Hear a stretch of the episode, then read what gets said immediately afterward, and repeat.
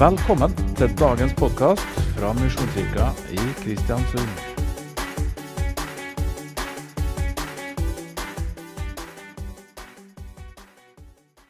For noen ganger siden her så, så, så spurte Inge hva slags uh, tema jeg hadde.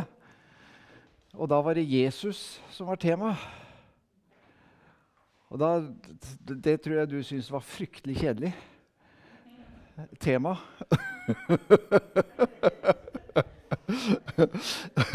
Og da, veit jeg ikke hva vi skal si i dag, for i dag så er Bibelen tema. er det noen som har sett en sånn en? Ja, skal vi se Har jeg skrudd på noe? Ja. ja.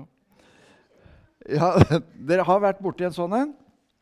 Det er, eh, det er en god bok. Eh, og jeg tenkte jeg skulle snakke litt om sjølve Bibelen i dag. Og, og gi dere noen smakebiter på, på, hva den kan romme. For eh, dette er, som dere har skjønt når dere har hørt jeg snakke, dette er en bok som er helt annerledes enn alle andre bøker. Eh, og eh, jeg, jeg, har en følelse av at den eh, kanskje ikke har like sterk posisjon verken i samfunnet eller i menighetene som den har hatt før. Jeg vet ikke hva dere tenker, men eh, når, når, jeg vokste opp, så, så, så var Bibelen liksom uh, hvis, hvis, du var kristen, så leste du Bibelen. Det, det var ingen tvil om. Og vi, uh, vi hadde helt naturlig forhold til dette her. Og jeg hadde vel Bibel fra jeg var bitte, bitte liten. Første bibelen min det var en sånn, eh, sånn barnebibel med bilder i. Jeg vet ikke om, Har dere hatt sånne? Sånn med, med ordentlige malerier og, og eh, David i løvehulen, og det var eh, Særlig disse her krigene i, i Gamletestamentet var fantastisk spennende når det var en liten gutt og så på, på disse, her, disse bildene her. Og det Flanellograf, har dere vært borti det? Ja. Vi tenkte vi skulle grave fram flanellografen her nå, for nå, nå begynner vi å nærme oss uh, oldtiden. Nei da, vi skal ikke gjøre det. Men uh, Bibelen er ei utrolig spennende bok, og jeg tenkte at vi skulle prøve å se litt på, på hvordan denne boka kan fungere, og hvordan den er bygd opp, og litt, uh, litt historie og sånne ting. Så vi får bare begynne et sted. Uh, dere, det er 66 bøker i denne boka her. Og de er skrevet av ca. 40 forfattere. Ikke sant? Det er 66 bøker, og det er 40 forfattere, sånn cirka, som, eh, som da har, har, fått navnet sitt knytta til noen av de skriftene i, i Bibelen. Eh, og det er over et tidsspenn, eh, to 3000 år kanskje, som denne, dette her, her, har eh, blitt til. I hvert fall så dekker eh, historien eh, godt og vel et par tusen år. Så eh, og disse 40 forfatterne her var svært få av dem som egentlig kjente hverandre. Jeg kan tenke meg at uh, Det er en del av dem som kjente hverandre. Esra og Nehemia dem, uh, dem visste godt om hverandre. Moses og Josva. Og uh, I det store og det hele så, så, så, kan vi se en del sånne eksempler på at en del av disse forfatterne kjente hverandre. Men det sluttproduktet som etter hvert ble Bibelen, det kan ikke forklares ved at de har planlagt å lage denne boka. Det er et eh, Jeg vil si det sånn at eh, om du har 66 bøker og 40 menneskelige forfattere, så er det én egentlig forfatter til denne boken her, og det er Gud. Innblest av Den hellige ånd, er ikke et sånt et uttrykk som vi, vi kjenner. Altså, eh, alle, alle, skrifter er gitt for og er nyttig for opplæring osv. Og, og det, det skal jeg prøve å bringe dere litt inn i hvorfor vi kan si sånne ting. Hvorfor kan vi si at denne boka her, den må ha blitt til eh, utenfor tiden og skrevet inn i tiden. Dere som har vært her før, husker at vi hadde en liten bibeltime om uh, virkelighetsforståelsen vår. Om dette med tid. Uh, at det er en uh, fysisk eiendom, om du vil, som, som ble skapt samtidig med materien og samtidig med alt, så, så, rommes det i det første setningen i Bibelen. I begynnelsen skapte Gud himmel og jord. Det vil altså si at alt dette kom til samtidig. Og det er Gud som står utenfor, over og bak dette skaperverket. Det vil altså si at han også står utenfor, over og bak dette med tid. Det vil si at han er ikke bundet av tiden, sånn som du og jeg er. Og Det betyr at eh, for Gud så ser han avslutningen fra begynnelsen. For oss så er dette da ting som ennå ikke har skjedd, men i Guds verden så er alt til stede på en gang hos han. Så når, eh, når eh, vi leser profetier i, i Bibelen som handler om ting som ligger lenger framover, så er ikke det gjetninger. Det er beskrivelser som Gud kan gi fordi han er utenfor tiden. Og det er han som er den egentlige forfatteren til denne boka. her. Og Det gjør at Bibelen er og blir en helt spesiell bok som ikke kan sammenlignes med noe annet. De fleste ateistiske forsøk på å, å, å kjøre Gud opp imot uh, skaperverket, det, det, kommer av at vi, man, man, tenker seg Gud som en del av skaperverket. At han er underlagt tiden, at han er underlagt materie osv. Nesten alle andre religioner har en slik forståelse av guddomsbildet. Så ikke vår Gud. Han er før alt, og det er han som har skapt alt.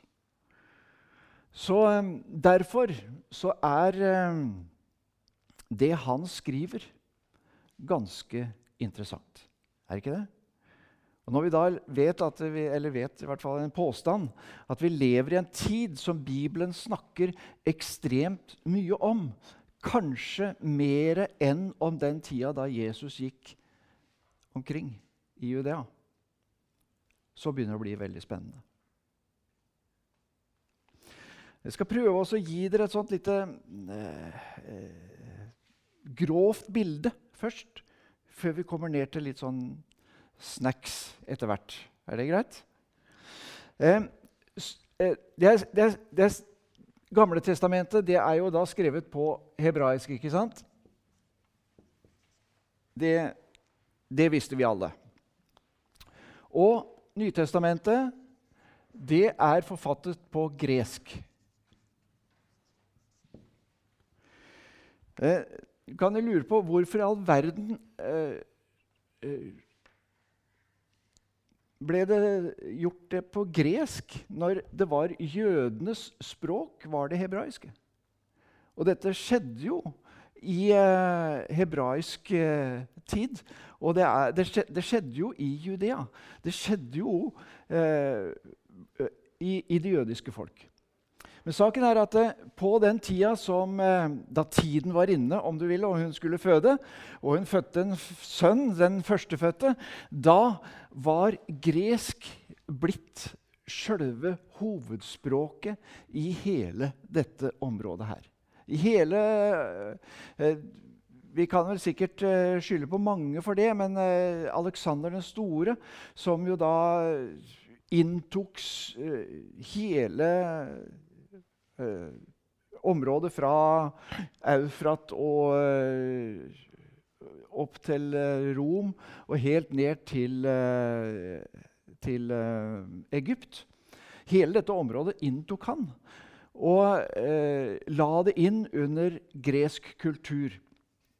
Og eh, det var jo en, en, eh, en, en, intern slåsskamp mellom disse forskjellige herskerne opp gjennom hele denne tida her. Men i det store og det hele så var det altså gresk kultur som vant og som fikk innpass og ble det offisielle språket. Så alle i området her, hvis de skulle snakke, så, så snakka de sammen på gresk. Eh, vi har også et, et språk som, eh, som, levde også i denne tiden, er, er arameisk. og Det er et, et, eh, slekte til hebraisk, og det var antageligvis det språket som Jesus sjøl snakka. Men alle kunne gresk. Skulle du uh, te deg i den verden, så måtte du kunne gresk. Eh, i, um, disse, disse, språkene her er veldig forskjellige.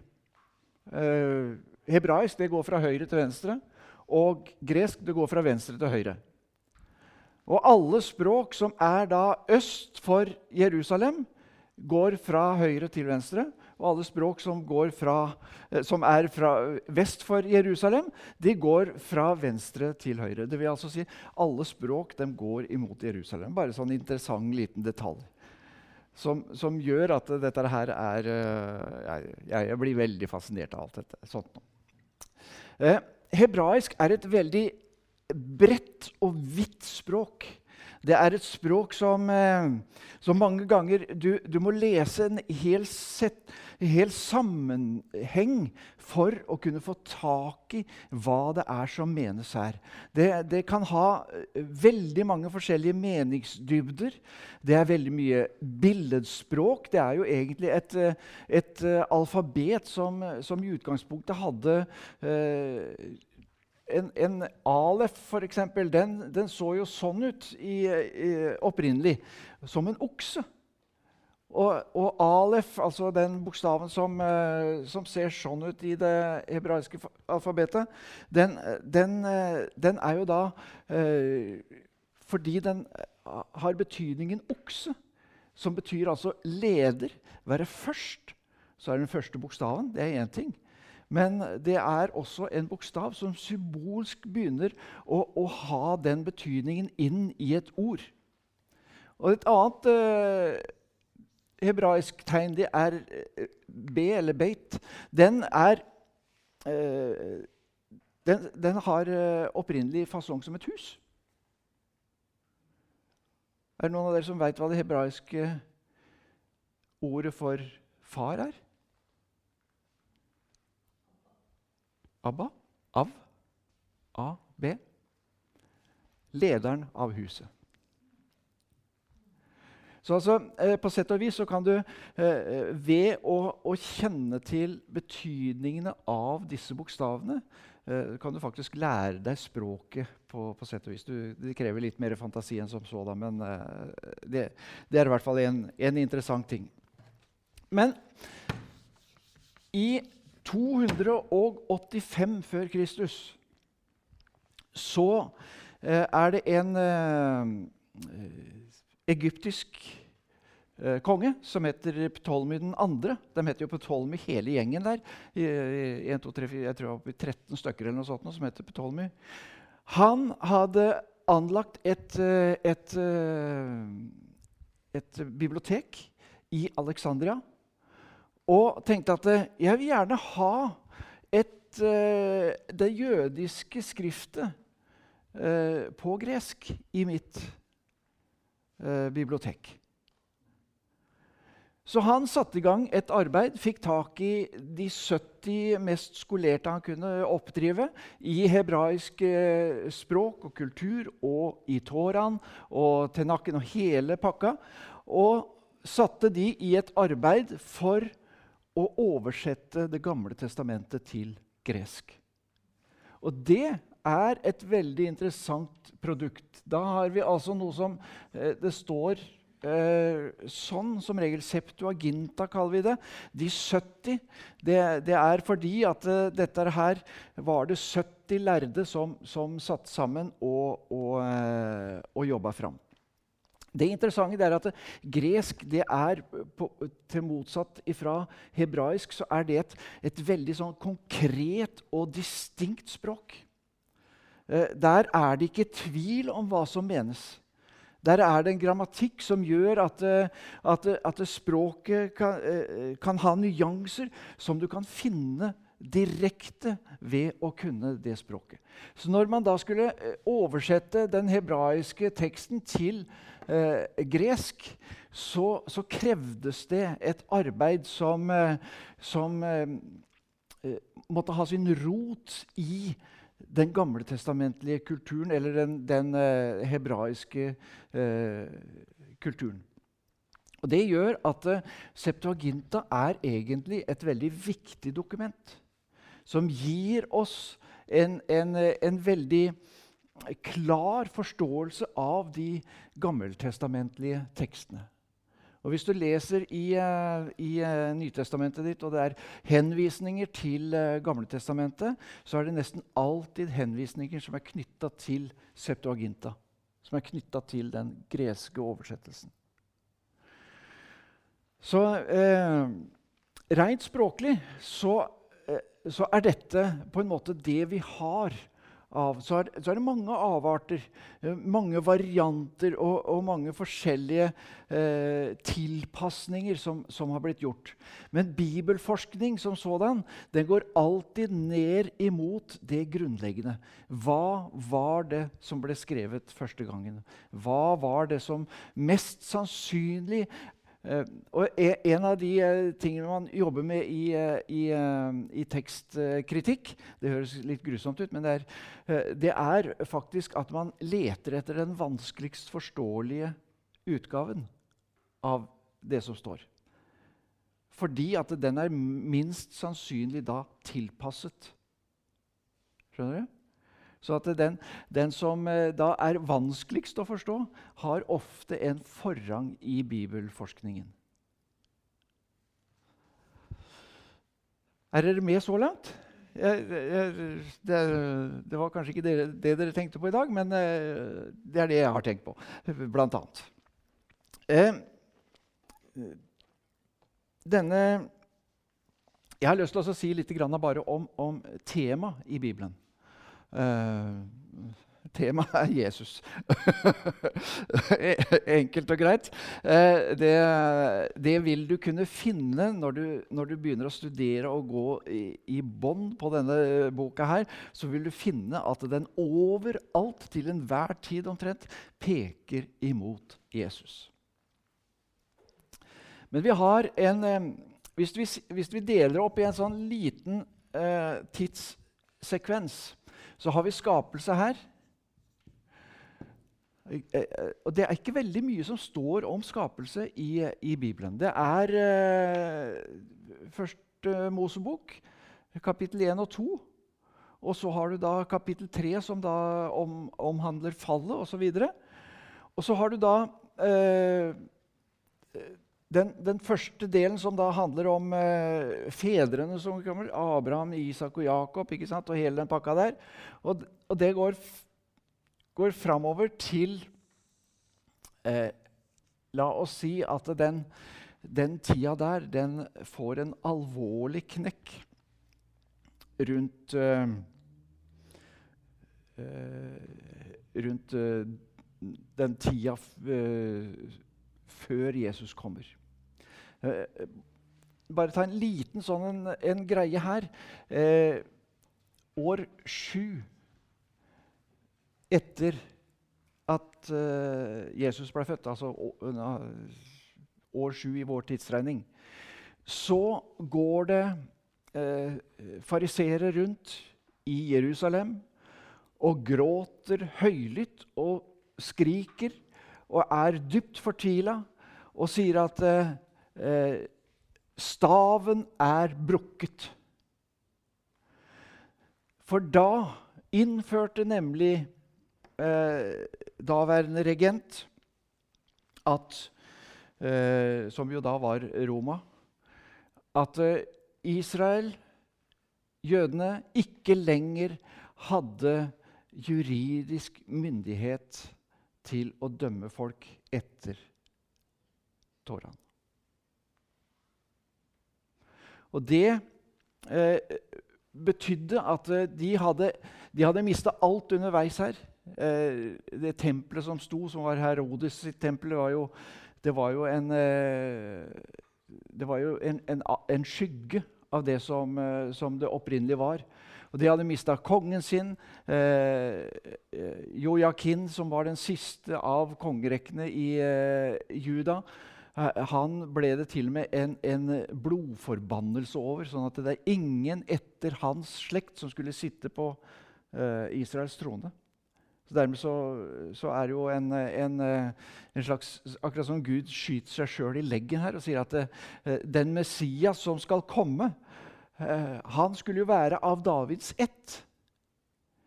Men eh, pga. denne blodforbannelsen så så, eh, så så, det ut som at det ikke var mulig. Og det var det som disse, disse, her tenkte.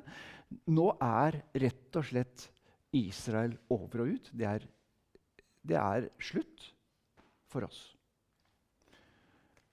Da visste de jo ikke selvfølgelig at her gikk det en liten guttunge i snekkersjappa til faren sin, og som var den som hadde herskerstaven for Israel.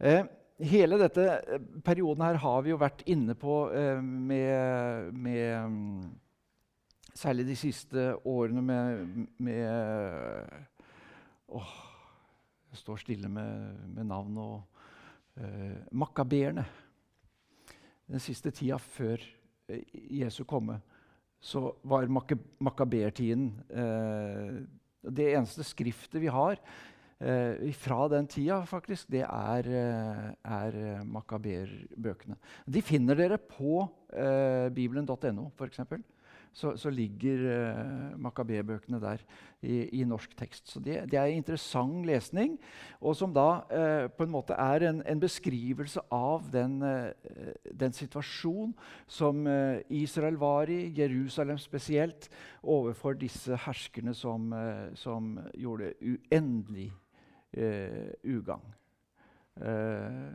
ja, vi, vi, skal ikke ta Vi kan rote oss i timevis inn i det der, så det skal vi prøve å la være. Eh, så har du da fram til Jesus dør Ikke sant? Hva skjer da? Da blir det en pause som er beskrevet i Daniel. Det er ganske interessant. Eh, og vi går inn i det da som er menighetens tidsalder. Der vi er nå.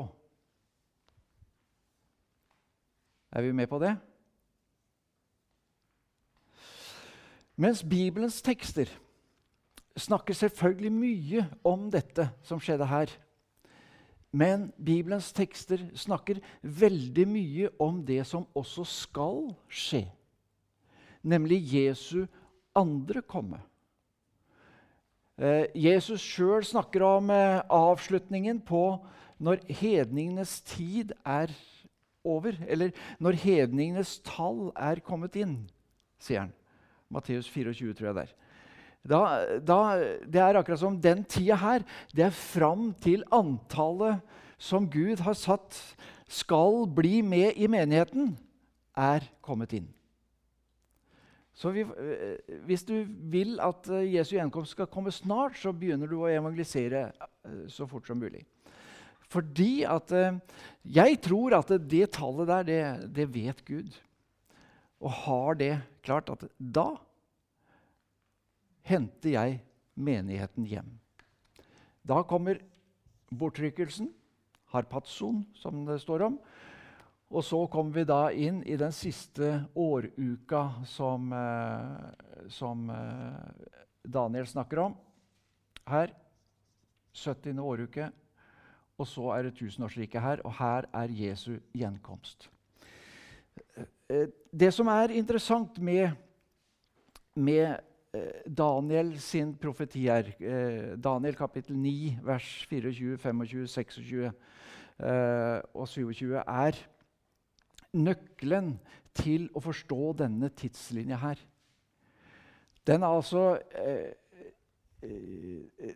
Daniel får da beskjed av, av engelen som kommer, og sier at 70 70 uker er satt av til eh, Jerusalem og det hellige folk. Altså det, det, det, er satt av 70 uker, og de er satt av til jødene eksplisitt. Og så er det da det, I år 445 så går det da ut et, eh, et beskjed fra Artaserkses at uh, jødene skulle få lov til å gå hjem og, og bygge opp igjen eh, tempelet og Jerusalem. Så det er eh, det punktet som da engelen peker på, og sier at det fra det tidspunktet der gikk ut, så skal det gå 69 uker. Sju uker pluss 62. Sju uker på å gjenoppbygge Sju uker eh, eh, Nå går jeg kanskje litt fort fram. Sju uker altså, det, er ikke, det er ikke sånn mandag, tirsdag, onsdag, torsdag. Det er sju åruker. Altså det er eh, sju Det er 70 åruker. Syv ganger 70 eh, 490 år som er satt av. Fra 445. Og så kan du ta og regne sammen da eh, 69, som det står spesifikt. 69 åruker ganger 360. Fordi at man, eh, den tiden så brukte man den, eh, den, kalenderen som var på 360 dager. Og så hadde de en sånn der skuddårsmåned, skuddårsmåne, blant annet, for å få det til å gå opp. Så vil du komme fram til et tall som er ganske interessant. Det er 100 og, Dere som er flinke i matte, Klarte å regne det i eh, Ikke sant? 173 880 dager er det. Og det er nøyaktig på dagen, den dagen Jesus rir inn i Jerusalem og markerer at 'jeg er Messias, jeg er kongen'. Det er det eneste øyeblikket. Gang på gang så, så, så ville folk eh, ha Jesus til å, å stå fram og bli konge og, og sånt noe. Han avviste det hele tida. Den ene dagen den er markert med at Jesus han, han rir inn i Jerusalem på et esel.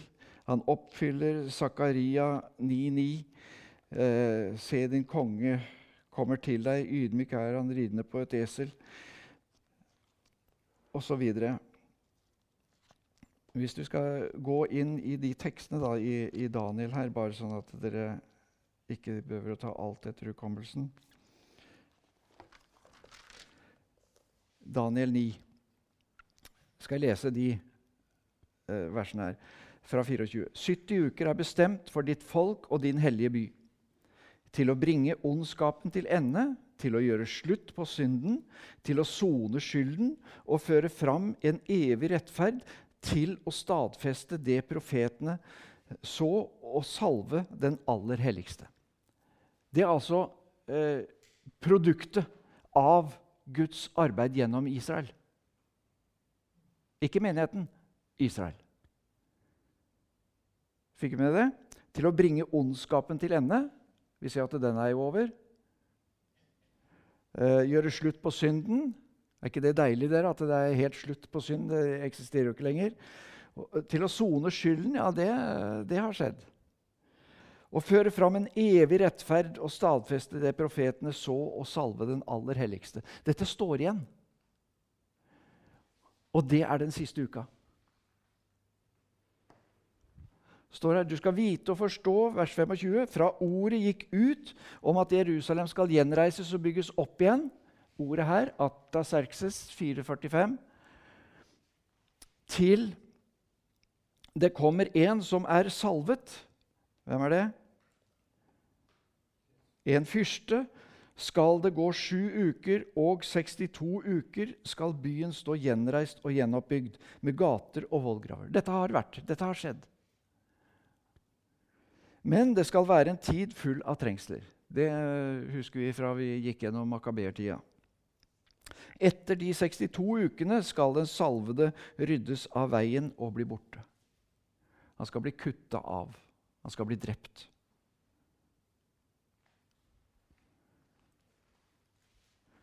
Og Så står det at byen og helligdommen skal legges øde av hæren til en fyrste som kommer.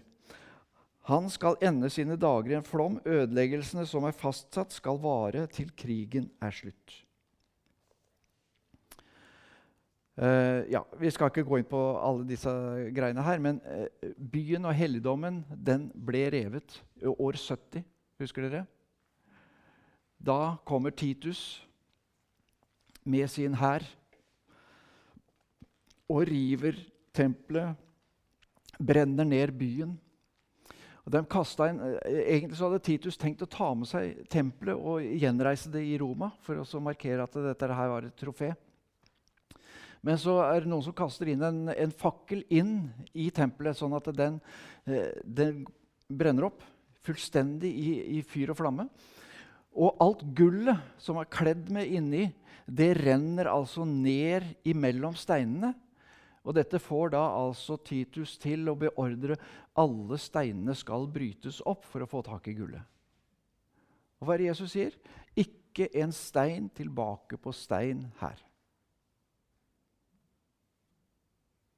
Ganske interessant og helt distinkt klart eh, ordrett, det Jesus sier. Så eh, dette var bare for å gi dere en liten sånn tidslinje. Det vil altså si at det, det, det, er viktig for oss når vi leser Bibelen, at eh, Gud arbeider med det jødiske folket på ett nivå. Og så er det en helt egen dispensasjon som vi som menighet har. Eh, som er helt uhørt i forhold til den jødiske kultusen. Og så vil det jødiske folket kommer på banen igjen, for den har igjen ei uke før tusenårsriket. Så videre. Men dette er en helt egen bibeltime om de tingene der. Dette var bare for at dere skal få tak i det. At det, eh, det jødiske folket, det er ikke slutt på deres tid. Det er fortsatt uh, en, uh, en viktig bit igjen.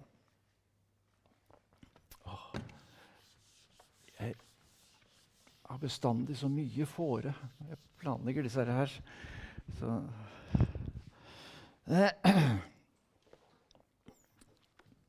Denne boka her er, er fantastisk på, på, så veldig mange måter. Og liksom, eh, Jeg vet ikke om dette er nok til at dere kan forstå at denne boka her er, er, ja, har en guddommelig forfatter. Eh, men jeg skal gi dere noen småting som, som jeg syns er, eh, er veldig, veldig, spennende. Eh, hvis du tar de første fem eh, bøkene i Bibelen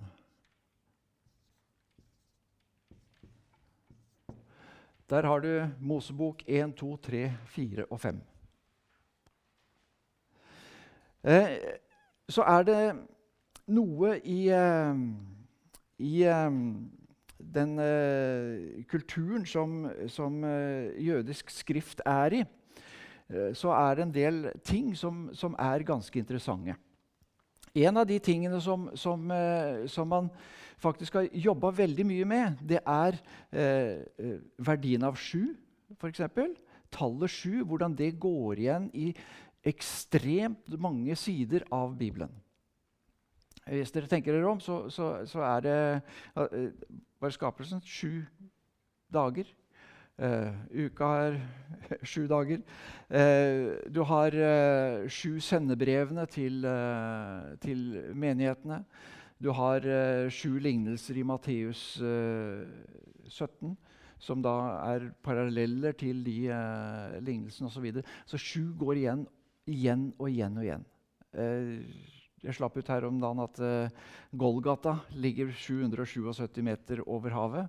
Det syns jeg er ganske kult. Det er på en måte å markere at uh, det er skaperen som står bak alt dette her. Rett og slett. Så, så tallet sju er, er et, et hellig tall, om du vil, som går igjen. Sju ganger sju er også da et veldig interessant tall, 49. 49 er eh, Hvert 49. år så er jo da et eh, sabbatsår. Eh, eller, eller, jubelår, mener jeg. Sabbatsåret er hvert sjuende år, men, mens hvert 49, altså sju ganger sju, så er det jubelår. Det er en veldig kjekk ting. Da går all eiendom tilbake til rett sin opprinnelige eier. Så sørg for å ikke kjøp noe rett før da. Vi går inn i et uh, sabbatsår nå, bare for å ha sagt det. Uh, eh, 7.9. starter uh, sabbatsår nå. Men uh, hvis, du, hvis, du, ser på disse, disse bøkene her Første Mosebok så er det altså noe det, det, er en, det, er en, teknikk som heter 'skipping of letters'. Altså det vil si at du, du har sånne intervaller mellom bokstaver. Så får du fram en annen betydning. Eh, første Mosebok Hvis du går til den første tauen og teller 49 bokstaver, og så tar du den neste bokstaven, og så tar du 49 etter det, og så tar du den neste bokstaven, og så tar du 49 etter det, da får du faktisk et ord. Tora. Jeg holdt på å skrive Tora. Det ja. Og det, det, det, kan du si at ok, det, det høres jo litt uh, festlig ut. ikke sant? Det er sånn lek med, med bokstaver og sånt noe. Og Så går det til andre Mosebok, og så skjer akkurat det samme. Første taven, samme intervallet. Så kommer det også fram til Tora. Tora er jo da navnet på de fem Mosebøkene. Ikke sant? Så kommer du til tredje Mosebok, og så skjer det ikke. Og Det er nesten så du puster litt letta ut. Det var, dette har begynt å bli litt magisk. Så går det til fjerde Mosebok, og der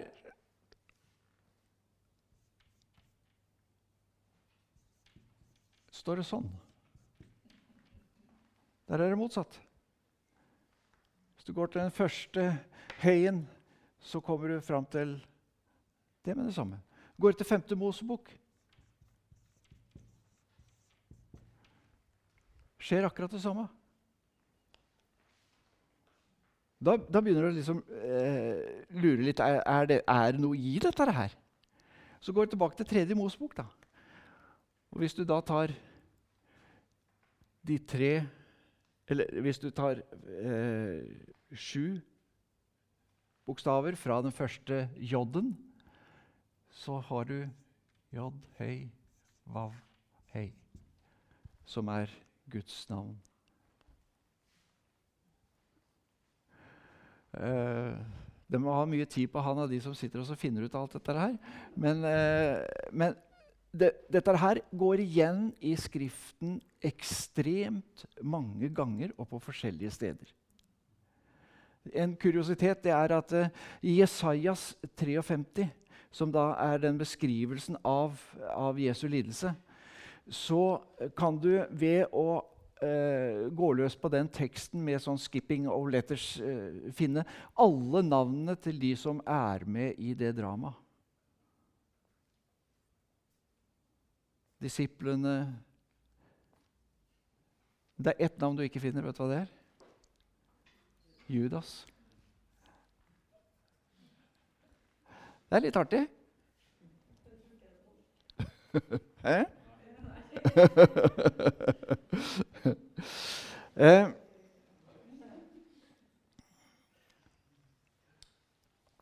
hvis vi, um, vi, vi, vi, kan ta en, en, en, greie til som jeg syns er litt, uh, litt, artig. Og det er uh, jeg vet ikke om slektsledd og sånt nå er veldig interessante for dere. Men eh, i, eh, i, i, første, nei, første Mosebok eh, kapittel 6 så står det en, eh, en uh, genealogi, eller en, en slektsleddene. Det er Adam. Da må jeg nesten ha en jukselapp bare for å se. Er det greit? Adam Sett. Dere kan kontrollere at det er riktig. Uh, Uh, Kenan.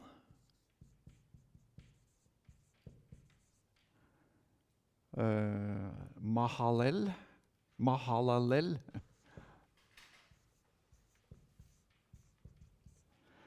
Eh, Jared. Uh, Enok.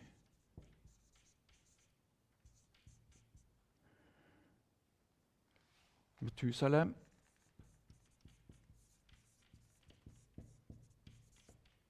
Og Lamek. Og Noah.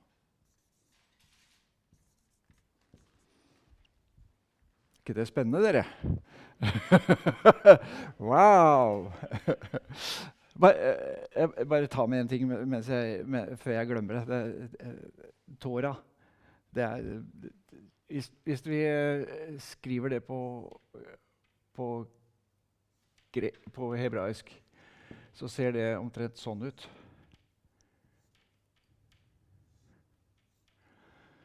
Ja. Hvis at de bokstavene hadde litt betydning etter hvordan de så ut. Tora, det var det som gikk igjen, ikke sant? Det er opprinnelig et kors.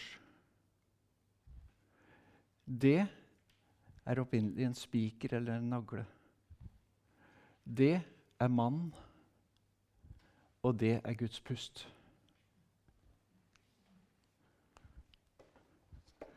Så hvis du legger sammen det så har det altså på et kors ble naglet en mann som var fylt av Guds ånd.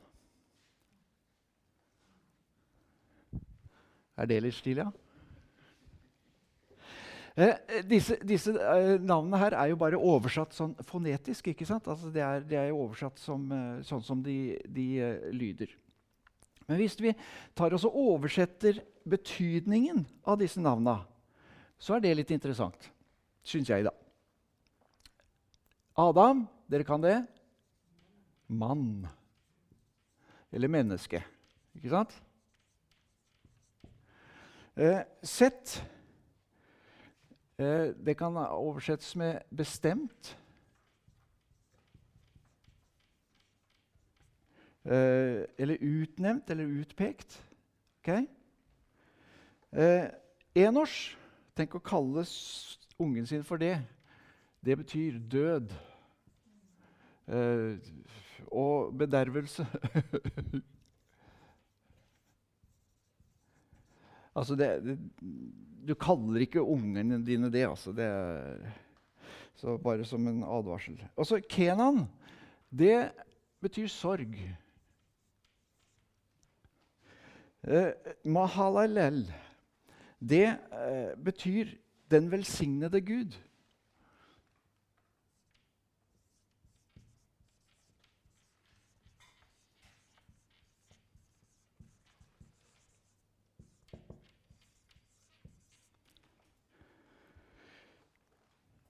Jared skal komme ned.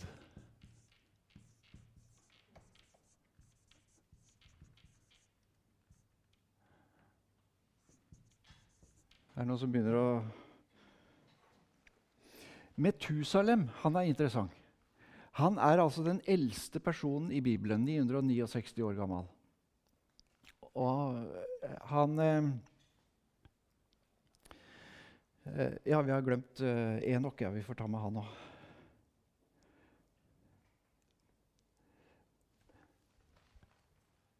Lære. Altså læring eh, og lære.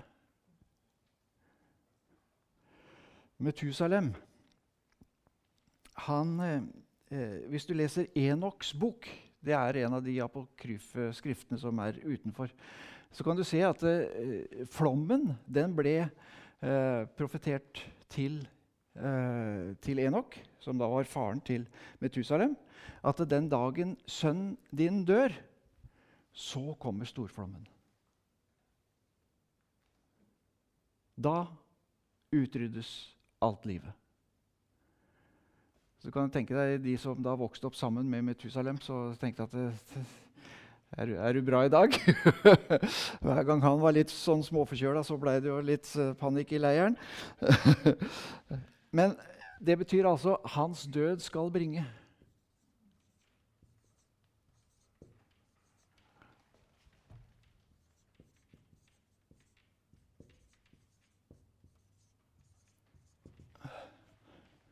Lamek, den fortvilte, eller de fortvilte.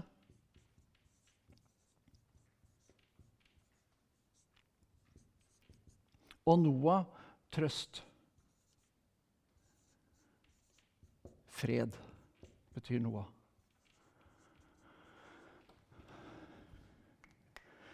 Hvis du da gjør det der, der om til en setning Mennesket er bestemt for død og bedervelse og sorg. Men den velsignede Gud skal komme ned og lære at hans død skal bringe de fortvilte trøst og fred.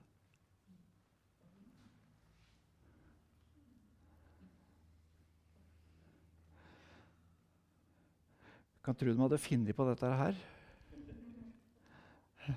Altså eh,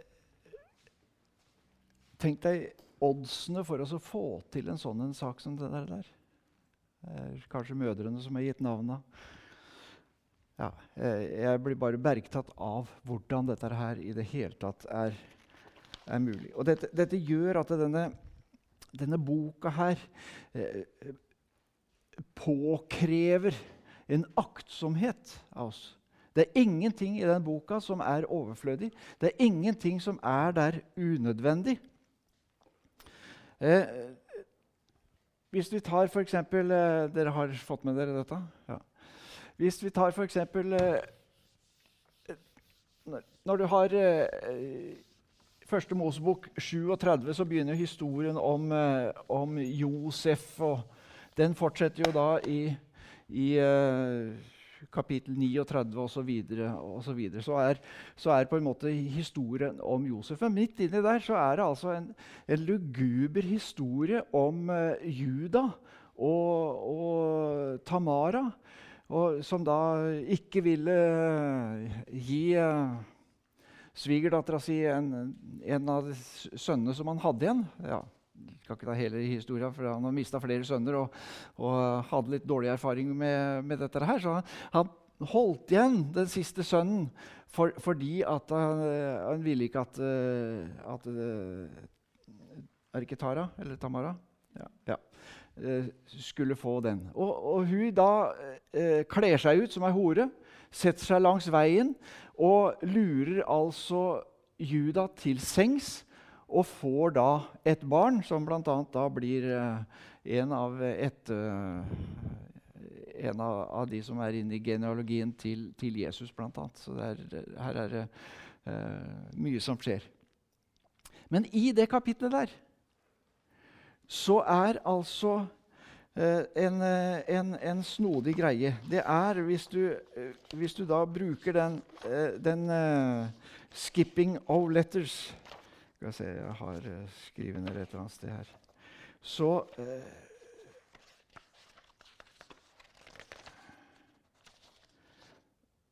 Så vil du kunne finne Boas. Du vil finne Obed.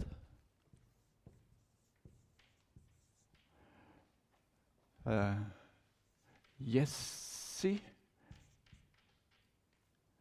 og David. Dette er altså i første Mosebok. Lenge før noen av disse her hadde eksistert. Og de står i kronologisk rekkefølge. Det er ettertavla til David fra Boas. Finner du da i kapittel 38 i Første Mosebok.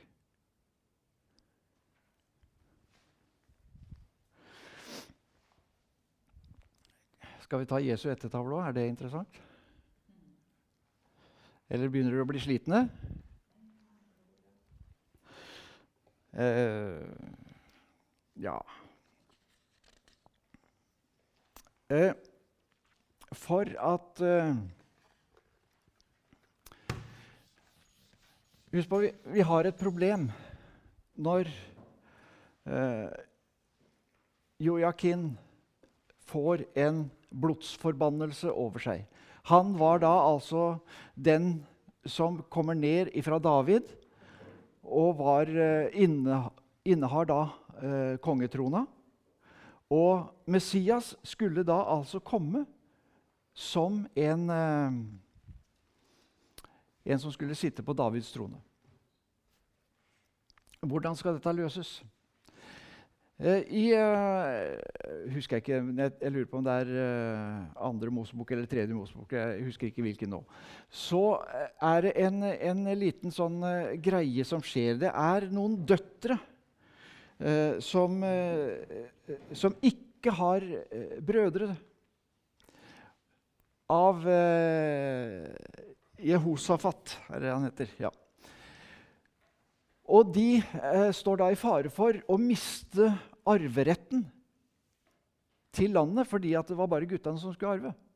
Men fordi det var bare jenter i den flokken der igjen, så, så kommer de til Moses og sier at eh, dette er ikke riktig.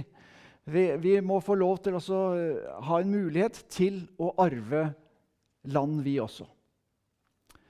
Og Moses tenker seg om og snakker med Gud og får eh, klarhet i at eh, jo, de skal få arverett som døtre.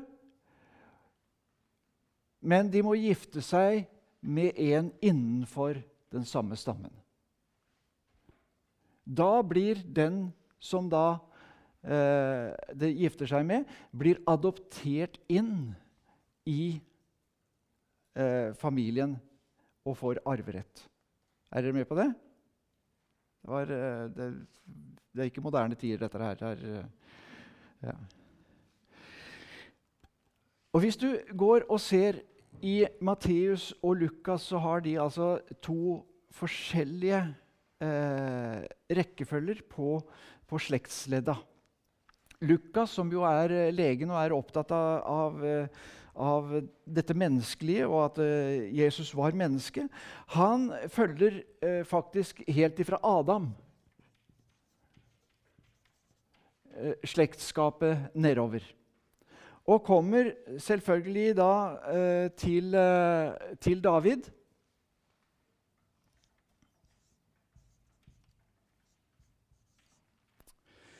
Og det er her eh, som eh, Lukas gjør et genialt trekk. Det er at eh, istedenfor å, å velge re Heboam, som ble konge etter Salomo Ja, vi har Salomo imellom her, da. Så velger han eh, broren, som heter Nathan.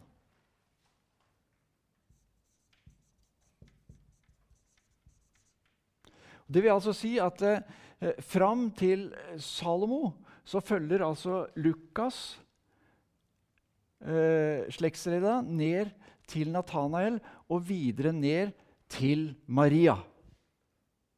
Ikke sant? Og Dermed så, er, eh, så, så peker han da altså på at Maria har kongelig arverett gjennom Natan og kan spore tilbake til David. Er dere med så langt? Bare hoppe litt fort her. Og så ser du Matteus, da, som er opptatt av å, å, å vise at, at, eh, Jesus var Messias, altså kongen. Går jo da selvfølgelig da eh, eh, Han går ikke helt fra Adam, han går bare fra Abraham ned til Salomo.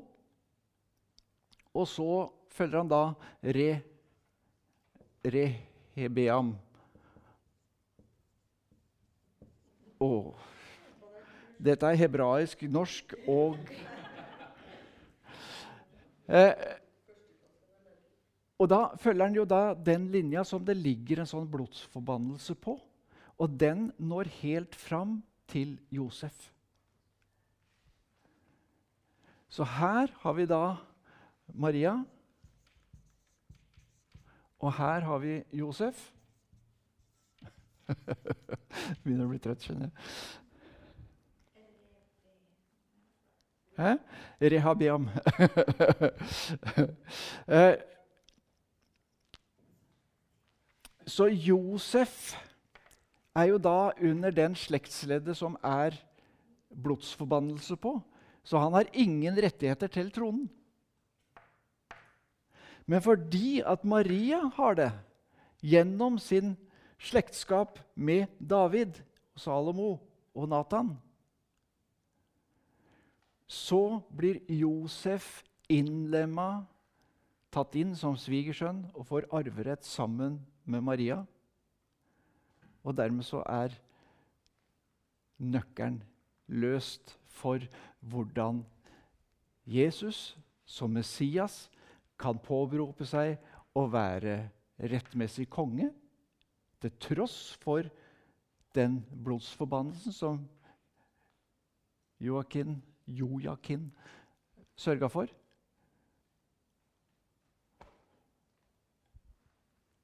Så eh, hvor, hvor tilfeldig er disse tingene her? Altså hvor, hvor, hvor, sannsynlig er at, at, det er noen som har sittet og, så, og så skrevet ned dette her og tenkt at ja, hvis du gjør det sånn, så blir det sånn. Det er altså en usannsynlig eh, matematisk mesterverk som vi har i Bibelen. Og Det som jeg har gjort nå, det er bare gitt noen smakebiter, egentlig. Det er mengder av disse tingene her. Jeg hadde hatt lyst til å si litt om hvordan Nye og Gamle testamentet henger sammen. Hvordan eh, ting som skjer i Det gamle testamentet, ikke blir forklart før i Det nye testamentet osv. Eh, F.eks. denne eh, slangen som blir reist opp i ørkenen gis ingen forklaring hvorfor de skal bli bra av å se på den slangen. De, faktisk så begynte de å tilbe den der kobberslangen. Og eh, en av kongene som, eh, som, eh, som ordna en tilbakevendelse for, til, til gudsdyrkelse, eh, Hosias, tror jeg det er, eh, han han knuser denne slangen og sier at dette her er jo bare kobber. Kalte den for nøtusjan. Det betyr bare kobber. Så, men når Jesus snakker med Nikodemus i Det nye testamentet, i Johannes 3, så forklarer han på samme måte som Moses løftet opp slangen i ørkenen, skal menneskesønnen løftes opp. Og tenk deg, Slangen, en del av problemet, var den du ble sjuk av. Jesus løftes opp. Han ble gjort til synd for oss. Og når vi ser det, så blir vi helbreda. Så har vi Melkisedek, som er en, eh, en figur i Gamle testamentet som ikke, ikke, skjønner så veldig mye av, annet enn at han er både konge og prest. Og det er helt uhørt. Det er ingen som var både konge og prest. Uh, kongen eh, ble jo kjeppjaga ut av tempelet hvis han prøvde å, å opptre som prest. Men Melkisedek han var både konge og prest. Og Så kommer hebreerbrevet og går nøye inn på å forklare at Jesus han er prest på Melkisedeks vis, som er både konge og prest. Og det er interessant at alt dette Salem det var jo der eh, Davidsbyen ligger nå. Altså, alt dette skjer i samme område. Abraham som skal ofre Isak, f.eks. Hvor skjer det? Jo, det skjer nettopp på Moria. Det skjer nettopp på dette fjellet som Jesus ofres på noen år seinere. Da var det en far som ikke slapp unna med en geitebukk, men som måtte ofre. Og alle disse detaljene her eh, gjør at denne boka her, den henger sammen fra A til Å. Den er et hele, og det er et mesterverk som ikke vi setter oss over, men som vi bare bøyer oss for og sier at det, det som står her, det er troverdig. Rett og slett. Takk for at du hørte på dagens budskap. Du finner flere podkaster fra oss hvis du søker opp Misjonskirka Kristiansund på f.eks. Spotify, Google Podkast eller Apple Podkast. Ønsker du å være med å gi en gave til arbeidet vårt, kan du gi en gave på VIPS til nummer 123 806.